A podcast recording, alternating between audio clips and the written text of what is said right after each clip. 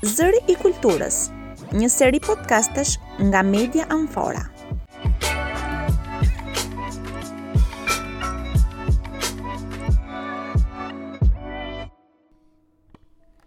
Përshëndetje të nderuar dëgjues të Medias Amfora. Po dëgjoni episodin e fundit të sezonit të parë të serisë së podcasteve Zëri i Kulturës. Unë jam Livia dhe sot do të jemi me një pjesë të Redaksisë së Medias Amfora, të cilët do të na flasin pak për eksperiencën dhe rrugëtimin e Medias Amfora që prej fillimit të saj, por veçanërisht përgjatë vitit 2021, në mars të vitit 2021 dhe deri në periudhën që ne jemi aktualisht, sepse ne kemi bërë jo vetëm episodin e jo vetëm serinë e podcasteve Zëri i Kulturës, por kemi sjellë dhe produksione të reja në median tonë që i dedikohen kryesisht qytetit të Durrësit, por jo vetëm, sepse jemi zgjeruar edhe në raportime mbi trashëgiminë kulturore në Shqipëri, por për për këtë dhe për më shumë detaje do të na flasin na flasin djemt. Ok, unë përshëndes Geri Emirin, editorin e Medias Amfora dhe Klaudio Hysenin, ekspert i marrëdhënieve me komunitetin që janë të pranishëm në këtë episod.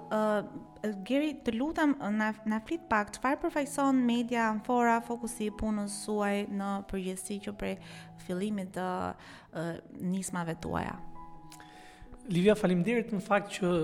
mendove të na japësh pak hapësirë në këtë cikël podcastesh sepse ne jemi mësuar që gjatë gjithë kohës të flasim normalisht për audiencën tonë dhe nuk para flasim për punën tonë.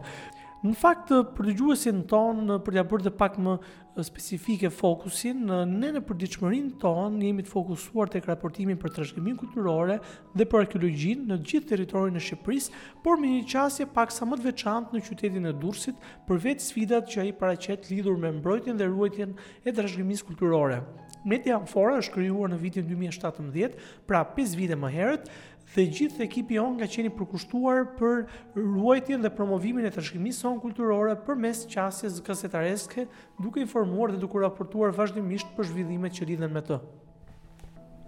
Në fakt, Geri, uh, unë si producente podcastesh, uh, e mendova të arsyeshme që ne sigurisht kemi promovuar uh, shumë figura në qytetin e Durrësit, uh, që kanë kontribuar në, në këtë qytet, por e mendova të arsyeshme që Të flisim pak edhe për veten, për gjithë dëgjuesit tanë që kanë dëgjuar dhe dëgjojnë seritë e podcasteve Zëri i Kulturës, pse jo mos ndoshta duan të na njohin ne më shumë, apo mos nuk kanë pasur mundësi që të klikojnë në website-in tonë dhe të shohin punën tonë, kështu që e mendova të arsyeshme që të bënim një prezantim të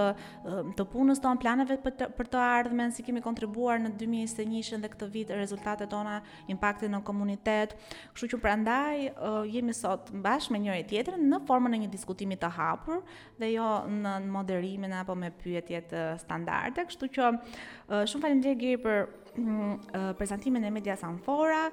Është e vërtetë faktikisht që ne përgjatë gjithë këtij viti kemi pasur të ftuar të ndryshëm që i kanë dhënë kontribut zërit të kulturës dhe qytetit të Durrësit dhe ne e pamë të arsyeshme që në episodin e fundit të vinim me njëri tjetrin dhe të shprehnim ne kontributin tonë që kemi dhënë në komunitetin e Durrësit nëpërmjet produksioneve të reja që Media Amfora ka përcjellë. Geri, të lutem mund të na bësh një pasqyrë të tyre.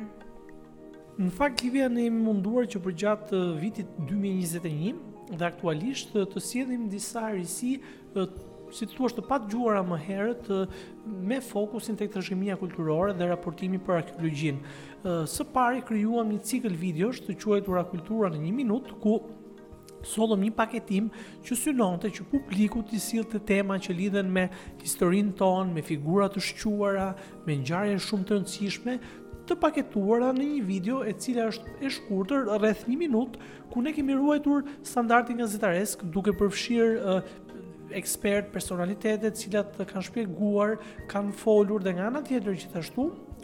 formati ka qenë i dedikuar për çdo media sociale duke synuar që të ftojmë audiencën e re që të bashkohet me ne. Gjithashtu nga ana tjetër, ne kemi arritur që përmes një platforme të quajtur raportimi i qytetarëve të angazhuar të marrim përmes disa pyetësorëve sugjerime nga audienca jonë, nga lexuesi jonë, të marrim komente dhe gjithashtu të bëhen bashkautorë me ne në raportimin për trashëgiminë kulturore dhe arkeologjinë. Dhe gjithashtu vetë cikli i podcasteve që ne jemi sot është një risi që ne e kemi sjellë përgjatë vitit 2021. Zëri i kulturës synon pikërisht ja së diskutimeve që kanë në fokus kulturën tonë, por e parë gjerësisht e lidhur kjo me tema social-ekonomike, kulturore dhe gjithashtu me nxitjen e modeleve të shëndosha në shoqërinë tonë, duke diskutuar për tema të cilat ngjallin diskutime, ngjallin reagime, na ftojnë që ne të reflektojmë si shoqëri dhe nga ana tjetër të ndërtojmë një debat konstruktiv midis njëri tjetrit Në fakt lidhja e gjithë kjo ka një emërues të përbashkët që është mbështetja shumë e rëndësishme për ne e projektit Media for All, e cila zbatohet në Ballkanin Perëndimor me mbështetjen e qeverisë britanike dhe e, më tej implementohet pra zbatohet në terren nga tre organizata të rëndësishme siç është Thomson Foundation, në Rrjeti Ballkanik për Gazetarinë Investigative dhe gjithashtu Intrac, një organizatë dedikuar mbështetjes së shoqërisë civile. Ka qenë shumë e rëndësishme për ne që në këtë proces jo vetëm që kemi sjell krijimtari të reja në video, në podcaste, në forma raportimi me audiencën, por kemi pasur dhe një mbështetje shumë të rëndësishme nga ana e mentorimit. Kemi pasur ekspertë të medias të dedikuar sipas fushave përkatëse, për shembull tek pjesa e podcastit, e videos, gjithashtu një cikël trajnimesh, mbështetje editoriale dhe jo vetëm mbështetje teknike apo për burimet njerëzore që ne kemi dhe që na kanë ndihmuar që të bëjmë një studim dhe një strukturim të produktit medial që ne kemi ofruar sot për audiencën tonë. Dhe unë i ftoj të gjithë dëgjuesit tanë që ashtu siç ndjekin vazhdimisht serinë e podcasteve Zëri i Kulturës, të ndjekin edhe videot tona Kultura 1 minutë dhe gjithashtu të bashkohen në raportimet tona përmes pyetësorëve për tema specifike që ne publikojmë në faqen tonë herë pas here. Uh, është e vërtetë Geri, programi Media for All uh, që synon të rrisë kapacitetet e mediave në Ballkanin Perëndimor ka qenë uh, shumë uh, uh, i uh, nevojshëm, sigurisht edhe për ne që uh, kemi jemi zhvilluar, kemi rritur kapacitetet tona nëpërmjet mentorimit, zhvillimit të trajnimeve, kemi sjell këto produkte cilësore për audiencën tonë dhe kjo nuk do të ishte e mundur pa mbështetjen e programit. Por gjithashtu, përveç uh, pjesës së produksionit, ne kemi bërë dhe punë në terren, punë direkte me komunitetin dashamirës së trashëgimisë kulturore, për cilën Klaudio mund të na flasë pak çfarë uh, aktivitetesh uh, kemi bërë të tjera Klaudio përveç uh, pjesës së redaksisë dhe produksioneve në terren, si kemi qenë me Media Amfora. Ju faleminderit që më bëtë pjesë te ky panel. Uh, Është shumë është shumë interesante sepse kur flasim për media kemi parasysh që është vetëm puna virtuale ose nëpërmjet kamerave, por duhet të kemi parasysh që ka një punë shumë të madhe mbrapa çdo produksioni ose çdo uh, materiali filmik ose audio uh, televiziv që mund të bëhet. Duhet të kemi parasysh edhe ekspertët që marrin pjesë ose personat që na mbështesin, qytetarët, uh, personat e ndryshëm pa pa duke duke marrë parasysh që janë pjesë e janë pjesë qytetarë të Durrësit, po janë pjesë qytetarë të Shqipërisë dhe të huaj që jetojnë këtu dhe ato kanë pas një ndikim shumë të fuqishëm në për qytetin e Durrësit. Ëh është me vlerë që ne kemi bërë takime pa fund me qytetarët, me dashamirësit, me ekspertët e fushës dhe kemi parë gjatë gjithë kohës që këto janë Një thesar i pazbuluar dhe një thesar që çdo person duhet t'i duhet t'i vë, vë në punë. Kështu që këto kanë qenë edhe kontribuesit kryesorë në një nga kontribuesit kryesorë në zmadhimin ose në përmirësimin e punës tonë dhe në dhënien e mendimit të tyre dhe ndihmës së tyre. Takime, siç ju thashë, formale, informale, por kemi bërë edhe një tur për trashëgiminë dhe vlerat kulturore të qytetit të Durrësit në Muzeun Arkeologjik, në Amfiteatrin, tek Kisha Shën Luçia në Durrës dhe përfunduan tek Muze Lab. Ishte shumë e vlerë të theksohet fakti që morën pjesë shumë qytetarë në këtë tur, qytetarë durrsakë, qytetarët që janë nga qytete të ndryshme të Shqipërisë dhe nga dhe të huajt që ishin anglishtfolës kryesisht dhe i kemi përkthyer edhe këtyre qytetarëve ose këtyre personave të huaj në anglishte gjithë historikun e Durrësit. Dhe ishte shumë e vlerë të theksohet se duke qenë se shumë qytetarë të huaj dhe shqiptarë jetojnë në qytetin në qytetin e Durrësit, nuk e kanë të zgjeruar historikun dhe trashëgiminë kulturore që ky qytet mbart dhe vlerat e tij. Dhe na është kërkuar përsëri që të kemi aktivitete në terren për promovimin e qytetit të Durrësit, po mendojmë që në të ardhmen ta shtrijmë dhe të kemi të kemi aktivitete të ndryshme për promovimin e qytetit të Durrësit. Dhe në fund kemi krijuar edhe një grup interesi që quhet Busulla e Trashëgimisë, Pse kemi vendosur këtë emër? Sepse duam që të drejtojmë individët drejt trashëgimisë kulturore, të trashëgimisë kulturore durrsake, por edhe të Shqipërisë. Pra të t'i, t'i informojmë dhe të jemi një ndërlidhës midis ekspertëve, trashëgimisë dhe individëve. Në të ardhmen mendojmë që ta shtrijmë jo vetëm në qytetin e Durrësit, por edhe në qytete të tjera të, të Shqipërisë. Dhe ë siç e thatë dhe ju që ky do jetë vazhdimësi në sezonat në të ardhmen dhe projekte të tjera shumë të bukura na presin. Ka qenë një sfidë faktikisht Uh, sepse kur fillojmë dhe flasim tani ne bëjmë dhe analizim të vetes edhe të punës tonë, ka qenë një sfidë sepse besoj siç e dinë gjithë um, interesi i popullatës në përgjithësi për trashëgiminë kulturore nuk është shumë i lartë sa ç'mund të jetë për problematikat aktuale të, të, të, të qytetit, uh, megjithatë pikërisht për shkak të këtij programit, shumë që ka shumë komponentë përbrenda, ka një miksim, pra është produksion, është punë në komunitet, është realizim turesh, është diskutime dhe diskutime të hapura dhe me njerëz dhe me ekspertë, neve ia kemi arritur që të kemi pasur angazhim direkt të të popullatës, jo vetëm nga qyteti Durrësit, por nga gjithë Shqipëria dhe, dhe njerëz që jetojnë jashtë Shqipërisë në produksionet tona, siç janë për shembull tek podcastet te Zëri i Kulturës, ne deri më tani me këto 15-16 seri kemi arritur që Të kemi 800 persona dëgjues. Gjithashtu dhe me videot, Geri, mund të flasësh pak sa ka shkuar audienca e videove kultura në një minutë. Në fakt, Livia, e gjithë seria pra kultura në një minutë, cikli përbëhet si një pjesë apo një sezon i parë prej 20 video episodesh, dhe ne kemi vënë re që mesatarisht një video e jona është parë nga rreth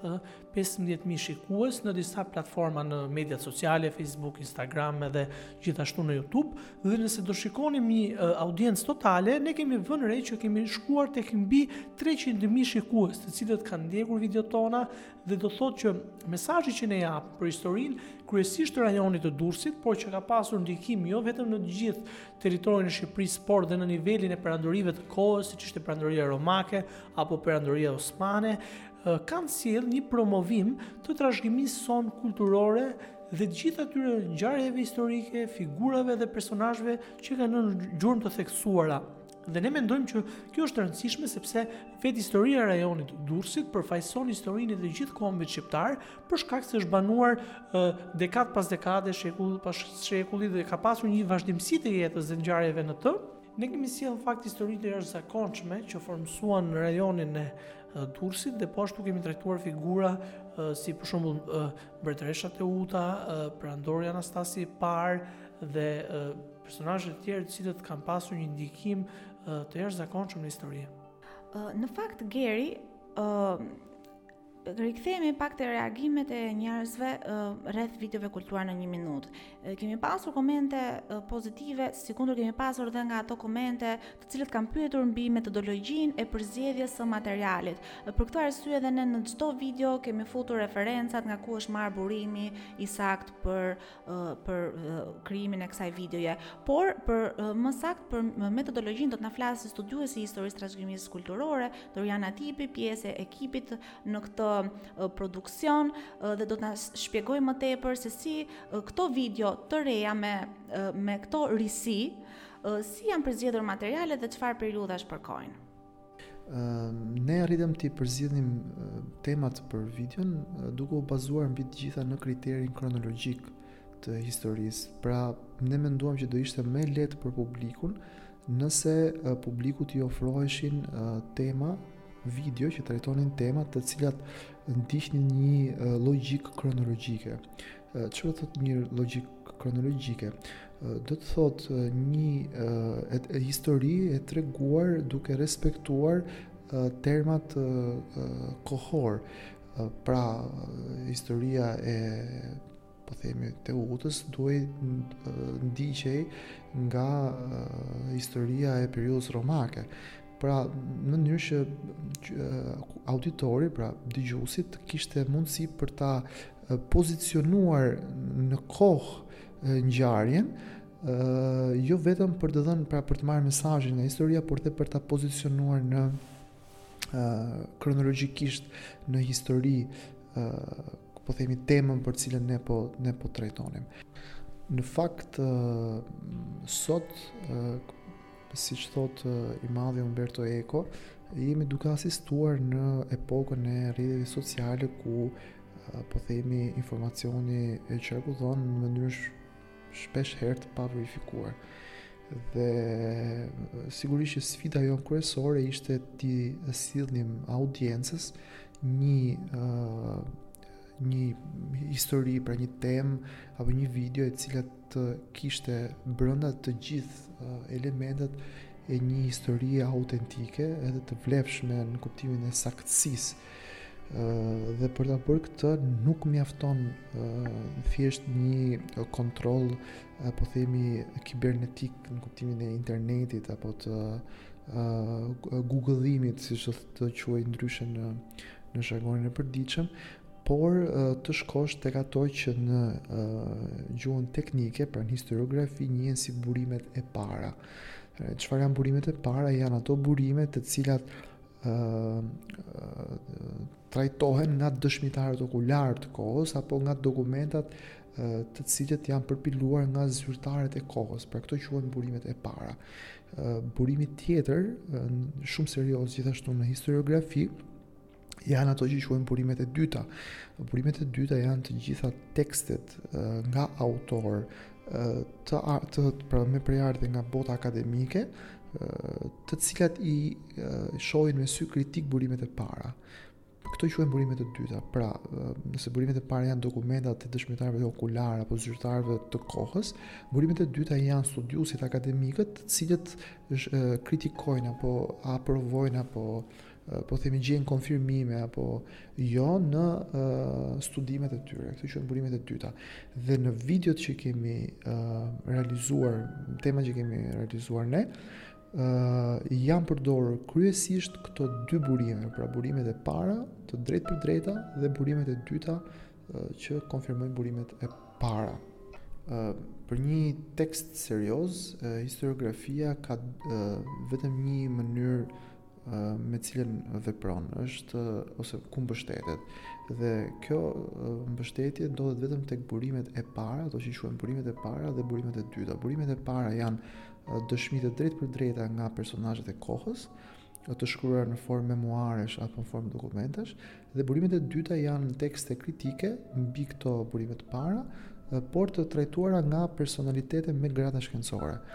Pra, në temat tona janë përdorur vetëm burime të para dhe burime të dyta, jo burime të tjera siç janë burimet e marra nga interneti apo spekulime gazetareske e të ngjashme. Faleminderit uh, Dori, uh, do të doja tani që për gjithë dëgjuesit tanë uh, të flisim pak për videon që ka pasur më shumë interes në këtë seri të Kultura në një minutë. Geri? Në fakt Livia, video e cila ka marrë më shumë shikueshmëri ka qenë e dedikuar ndaj historisë së mbretëreshës Teuta dhe rolit të saj në qytetin e Durrësit, ku ne kemi tentuar të sqarojmë faktet historike dhe të shpjegojmë se si Mbretëresha Teuta pati një lakmi shumë të madhe për ta marrë qytetin e Durrësit, por nuk e arriti dot dhe pati disa beteja që zhvilloi. Ka qenë një video e cila është përkthyer normalisht dhe në gjuhën angleze, siç tha dhe Klaudio, ne secilën prej videove tona e kemi përkthyer dhe në anglisht, ngjashëm dhe si seria e podcasteve, një pjesë e cilave janë zhvilluar në gjuhën angleze, me qëllim që ne të përfshijmë dhe audiencën e huaj dhe ta ndërkombëtarizojmë historinë dhe trashëgiminë tonë kulturore. Dhe në fakt, video për mbretëreshën Teuta, të dyja versionet në shqip dhe në anglisht, kanë marrë një shikueshmëri vetëm në YouTube, flas, pa përfshirë kanalet e tjera në media sociale, Vetëm në YouTube ka shkuar diku tek 21700 shikime që për ne është një shikueshmëri motivuese që tregon që audienca jonë ka interes të lartë për t'u njohur me këto histori dhe për të vijuar më tej që ne të raportojmë dhe të nxisim edukimin e dëgjuesit, shikuesit tonë për temat që lidhen me uh, historinë, trashëgiminë kulturore dhe arkeologjinë, të cilat për hir të vërtetës uh, nuk është se janë shumë në agjendën e medias uh, në shekullin 21. Është e vërtetë, madje ne kemi pasur dhe kërkesa të tipit që videot të jenë më të gjata, sepse nuk mjafton informacioni kaq i shkurtër në 1 minutë. Njerëzit duan të dinë akoma dhe më shumë. Megjithatë metodologjia ka qenë e tillë për të sjellë një risi, meqenëse në epokën të epokën digjitale që jemi sot, njerëzit nuk kanë shumë kohë për të parë videot e gjata, ato dokumentarët e gjatë dhe për këtë arsye ne vendosëm që videot të ishin të shkurtra 1 minutë, 1 minutë e pak sekonda për ta përmbledhur. Megjithatë sigurisht që ne kemi dhe analizat tona, lajmet që kanë më shumë detaje mbi çështjet që lidhen me historinë dhe me trashëgiminë kulturore të të qytetit të Durrësit. Unë do të flas pak për podcastet. Ne kemi dashur që të sjellim personazhe që kanë që kanë kontribuar në qytetin tonë dhe ne pra përçojnë zërin e kulturës për ne. Sigurisht podcastin e parë kemi nisur uh, me një arkeologe angleze të cilën ne e përshëndesim tani nëse po na dëgjon Carolina, një eksperte e cila ka ka sjellë për ne këndvështrimin e saj mbi uh, trashëgiminë në në Durrës dhe jo vetëm por edhe në në Shqipëri. Uh, më pas kemi pasur të ftuar nga uh, staf uh, i Muzeut Arkeologjisë në Durrës, uh, skulpturat që ata kanë realizuar uh, dhe ekspozitat e tyre. kemi sjellur vendet historike të qytetit, galeritë e reja siç është për shembull dhe MuZEH Lab-i, e përshëndesim dhe Dorinën tani nëse po na dëgjon. Kemi pasur pjesë nga komunizmi me Brunildën në serinë Turistë të përgjuar, pra si u përgjonin turistët që vinin në Durrës më përpara. Kemi pasur Uh, siç e dini edhe ju, monumenti i ri që u inaugurua në qytetin e Durrësit, sono persone janë njerëz i dedikohet të gjithë dursakëve që uh, kanë emigruar. Pra, ai ai ka qenë dhe episodi që ka arritur më shumë dëgjueshmëri me 100 uh, me 100 klikime. Kemi kemi marrë pjesë në fushatën uh,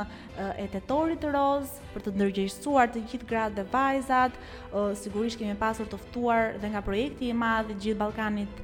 Media for All me Larisën, të cilën ne e përshëndesim. Kemi promovuar artizanë në qytetin tonë, mjeshtrin e varkave, besoj që ju gjithë e di, e dini uh, mjeshtrin e varkave të qytetit të Durrësit. Uh, kemi folur uh, për transformimin urban të Durrësit me me urbanistë, ne përshëndesim shumë Tanin, jemi bërë pjesë e fushatës Bëje botën portokalli. Përshëndesim gjithë artistët që kanë bërë ekspozitën e tyre për të ndërgjegjësuar dhunën ndaj grave. Kemi folur gjithashtu për aktivistët e qenushave. Përshëndesim shumë Xhenin. Kemi folur me një peshkatar, kemi treguar historinë e një peshkatari. Peshkatarët janë simbol i qytetit të Durrësit, nuk kishte se si ne të mos e përfshinim në episodet tona. Dhe gjithashtu kemi folur dhe me drejtorin e Qendrës Muzeore në Durrës për gjitha projektet e restaurimit që që po zhvillohen tashmë në Durrësin tonë. shumë shumë shumë episode, shumë seri sezoni i parë ka qenë ka qenë plot me me njerëz dhe me personazhe që kanë që punojnë në Durrës dhe që i japin një zë kulturës e qytetit tonë, ne sigurisht shpresojmë që do të vazhdojmë dhe me me episode dhe me sezone të tjera. Megjithatë, përveç punës tonë në raportim dhe në produksion, ne jemi dhe aktivistë në fund të ditës dhe kemi qejf pak a shumë që t'i adresojmë çështjet e trashëgimisë kulturore drejtuar institucioneve. Dhe për këtë ne kemi ndërmarrë një nisëm, një forum diskutime me ekspertë, të cilët kanë adresuar shqetësimet e tyre dhe ne do ia përcjellim Ministrisë Kulturës. Klaudio, të lutem, mund të flasësh pak? Uh, para disa muajsh u krye një takim në nivel ekspertësh, ishte shumë frytdhënës sepse urbanistë, arkitektë, arkeologë u bashkuan gjithë së bashku dhe dhanë ose shpalosën ato problematika që kanë në punën e tyre të përditshme. U evidentua që um, ka një tkurrje fondesh nga uh, institucione përkatëse që merret me uh, ruajtjen, prezervimin dhe shpalosjen e trashëgimisë kulturore. Gjithë këto problematika do t'ja adresojmë Ministrisë Kulturës në një kërkesë zyrtare, por edhe një kërkesë për marrjen e masave dhe shpresojmë që gjithë këto rekomandime të merren parasysh nga institucionet përkatëse. Është edhe një risi që pas 5 vitesh pune të amfora të amforës kemi marrë edhe një titull mirënjohjeje, pra mirënjohja e qytetit nga shoqata Durrësi Autokton me kryetar Abdullah Deliallisi, i cili akordoi këtë titull me motivacionin për kontributin në informimin me paanësi dhe profesionalizëm të problemeve në fushën e trashëgimisë kulturore, si dhe ekspozimi e tyre në rajonin e Durrësit. Dhe kjo është një në një qasje e cila ne na frymëzon që të vazhdojmë në punën tonë në të ardhmen dhe siç është akorduar edhe çmimi të jemi të paanshëm në punën tonë dhe sa më shumë sa më profesionalë. Dhe shpresojmë që të kemi dhe profesionistë në të ardhmen që na mbështesin dhe të na japin edhe udhëzimet e tyre dhe mendimet edhe eksperiencën e tyre në këtë fushë. Kështu që është shumë e vlera. Sigurisht titulli ishte një motivacion për ne për të vazhduar punën tonë. Ne gjithashtu duam të falenderojmë shumë dhe gazetaret, nuk i kemi të pranishme në moment sepse do do të na duhej që podcasti të ishte më shumë se 2 orë, po themi, megjithatë ne do të mbajmë standardin sot me minutat tona që ne i realizojmë gjithmonë. Kemi bërë dhe shumë në platformën ICR për raportimin e raportimin e qytetarëve të angazhuar, kemi bërë dhe shumë lajme që kanë ardhur vetë nga shqetësimet e qytetarëve dhe mbi tematikat që që ata duan që të trajtojnë mbi trashëgiminë kulturore, gazeta gazetaret tona Edlira, Erjola dhe Gëzimi kanë punuar në të gjithë Shqipërinë me tema të ndryshme qoftë në Berat, qoftë në Gjirokastër, përveç Durrësit, pra po themi, kështu që të gjitha këto mund t'i gjeni në faqen tonë amfora.al, analiza të thelluara, lajme, investigime, Dhe platforma do të vazhdojë të jetë në faqen tonë amfora.al, kështu që ne presim propozimet e gjithë qytetarëve për të na ndihmuar ne në punën tonë të raportimit, për të marrë më shumë informacion dhe për të hulumtuar mbi një çështje të caktuar, sepse dhe ne uh, nuk jemi uh, gjeni, sigurisht kemi nevojë për gjithë qytetarët që të na ndihmojnë në këtë punë. Në fakt, Livia, raportimi i qytetarëve të angazhuar ka qenë një platformë e cila është shfaqur në median Amfora dhe përmes gjashtë thirrjeve kryesore ne iu kemi drejtuar audiencës sonë për sjellë raportime, sugjerime, për tema që ne mund t'i mbulonim lidhur me trashëgiminë kulturore, materiale Dhe na ka rezultuar se për këta gjashtë pyetësorë në total dyqind e gjashtëdhjetë persona ne na kanë raportuar, na kanë plotësuar formularët dhe ne kemi zhvilluar më pas hulumtime në terren dhe gazetarët tanë që duhet t'i falenderoj bashkëpunëtorët tanë të nderuar, Gzim Kabashi, Ariola Azizolli dhe Elira Kadriu kanë realizuar raportime të ndryshme për temat e sjella nga qytetarë dhe kemi pasur një shtrirje në gjithë territorin e vendit duke nisur nga veriu deri në jug, për tematika nga më të ndryshmet lidhur me mozaikët, me monumentet e kulturës dhe me objektet tjera të trashëgimisë kulturore. Dhe në fakt ka qenë një punë shumë e përkushtuar e gjithë ekipit tonë dhe unë gjej rastin t'i falenderoj dhe Arlind Veshtin dhe Xhenin Shtemarin që kanë qenë të fokusuar tek pjesa e realizimit të videove, sepse kjo është e rëndësishme që ne kemi realizuar dhe një raportim përmes videove dhe ekipi jonë ka qenë shumë i përkushtuar Në këtë drejtim dhe unë do jo vetëm që do gjej rastin për të arrit falënderuar të gjithë audiencën audiencën tonë dhe lexuesit tanë, por i ftoj që të vazhdojnë të raportojnë tek media Amfora për thirrjet që ne hapim herë pas here dhe të bashkohen absolutisht në seri tona të podcasteve, të videove dhe të bëhen dhe ata personazhe që rrëfejnë për qytetet tona, që rrëfejnë për historinë tonë. Sigurisht puna jonë nuk përfundon këtu, ne vazhdojmë, vazhdojmë dhe me ndihmën e stafit të huaj të projektit Media for All, na kanë ndihmuar gjithashtu dhe në krijimin e një fushate donacioni për Media Amfora në mënyrë që ne të vazhdojmë me punën tonë. Klaudi, mund të na flasësh pak kur do të fillojë fushata, kur do të hapet? Fushata e dhurimit është e hapur. Uh, duke qenë se jemi një media që prodhojmë material, material gjatë gjithë kohës, kërkojmë që individët, bizneset ta mbështesin në punën tonë. Dhe ne kemi hapur dhe fushatën e bamirësisë ose dhurimit, tek faqja jonë, ku çdo qytetar mund të angazhohet Në një dhuratë të vogël që në fund fare ne na, na jep një ndihmë të madhe për punën tonë në të ardhmen. Kështu që çdo qytetar, çdo biznes, çdo individ që na ka ndjekur ose nuk na ka ndjekur akoma, por që mund të na gjejë tek amfora.al, mund të japi kontributin e tij me një dhurim sado i vogël që mund të jetë, por për ne është gjithmonë i madh. Në fakt, Klaudio, kjo mbështetje që ne kërkojmë nga audienca jonë, e cila absolutisht mund të jetë e vazhdueshme, por së shpejti ne do të hapim në faqen tonë një fushatë e cila fokusohet në mbledhje fondesh për krijimin e pesë videove të tjera të ciklit Kultura në një minutë, sepse dashur pa dashur produksioni ka kosto të larta realizimi, duke nisur që nga burimet njerëzore dhe deri tek pajisjet. Por gjithashtu duhet theksoj që vetë media Amfora është një media misionare ku ka si mision raportimin me qëllim ruajtjen dhe njohjen e trashëgimisë sonë kulturore, materiale dhe arkeologjisë. Në këtë kuptim, për të vazhduar misionin tonë dhe pavarësinë editoriale, e cila është e shenjtë për ne, ne kemi zgjedhur të mos marrim reklama nga bizneset, sidomos ato që janë konflikt interesi me dëmtimin e trashëgimisë kulturore dhe gjithashtu nga mm, autoritetet publike në mënyrë të drejtpërdrejtë. Ne kemi shmangur këto forma financimi, jemi vetëfinancuar përgjatë gjithë këtyre viteve dhe mbështetja e parë për ne ka qenë projekti Media for All, i realizuar nga qeveria britanike dhe vetë Media Amfora është e dizenjuar në këtë lloj forme duke vijuar ekzistencën e saj përmes formës së donacioneve me qëllim thelbësor për ruajtjen e pavarësisë sonë editoriale dhe për një raportim sa më profesional dhe unik për të gjithë trashëgiminë kulturore në territorin e Shqipërisë, kështu që unë falenderoj të gjithë mbështetësit tanë, lexuesit dhe të gjithë donatorët të cilët ndihmojnë vijimësinë e Medias Amfora. Falenderoj këtë pjesë të ekipit që kishim në redaksi dhe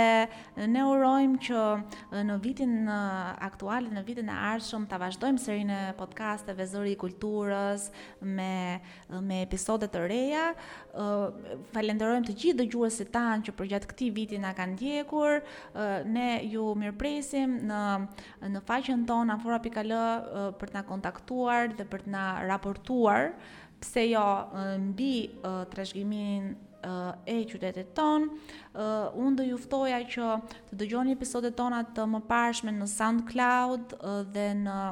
platforma të tjera. Gjithashtu ndiqni videot tona Kultura në 1 minutë në YouTube, në Facebook dhe në Instagram, gjithashtu dhe në TikTok. Dhe mirë u dëgjofshim bashkë me mua Livjen në seri të tjera. Zëri i Kulturës, një seri podcastesh nga Media Amfora, realizuar me mbështetjen e projektit Media for All, financuar nga Qeveria e Mbretërisë së Bashkuar. Na ndiqni në platformat amfora.al, si edhe në SoundCloud, Mixcloud, Google Podcast dhe YouTube.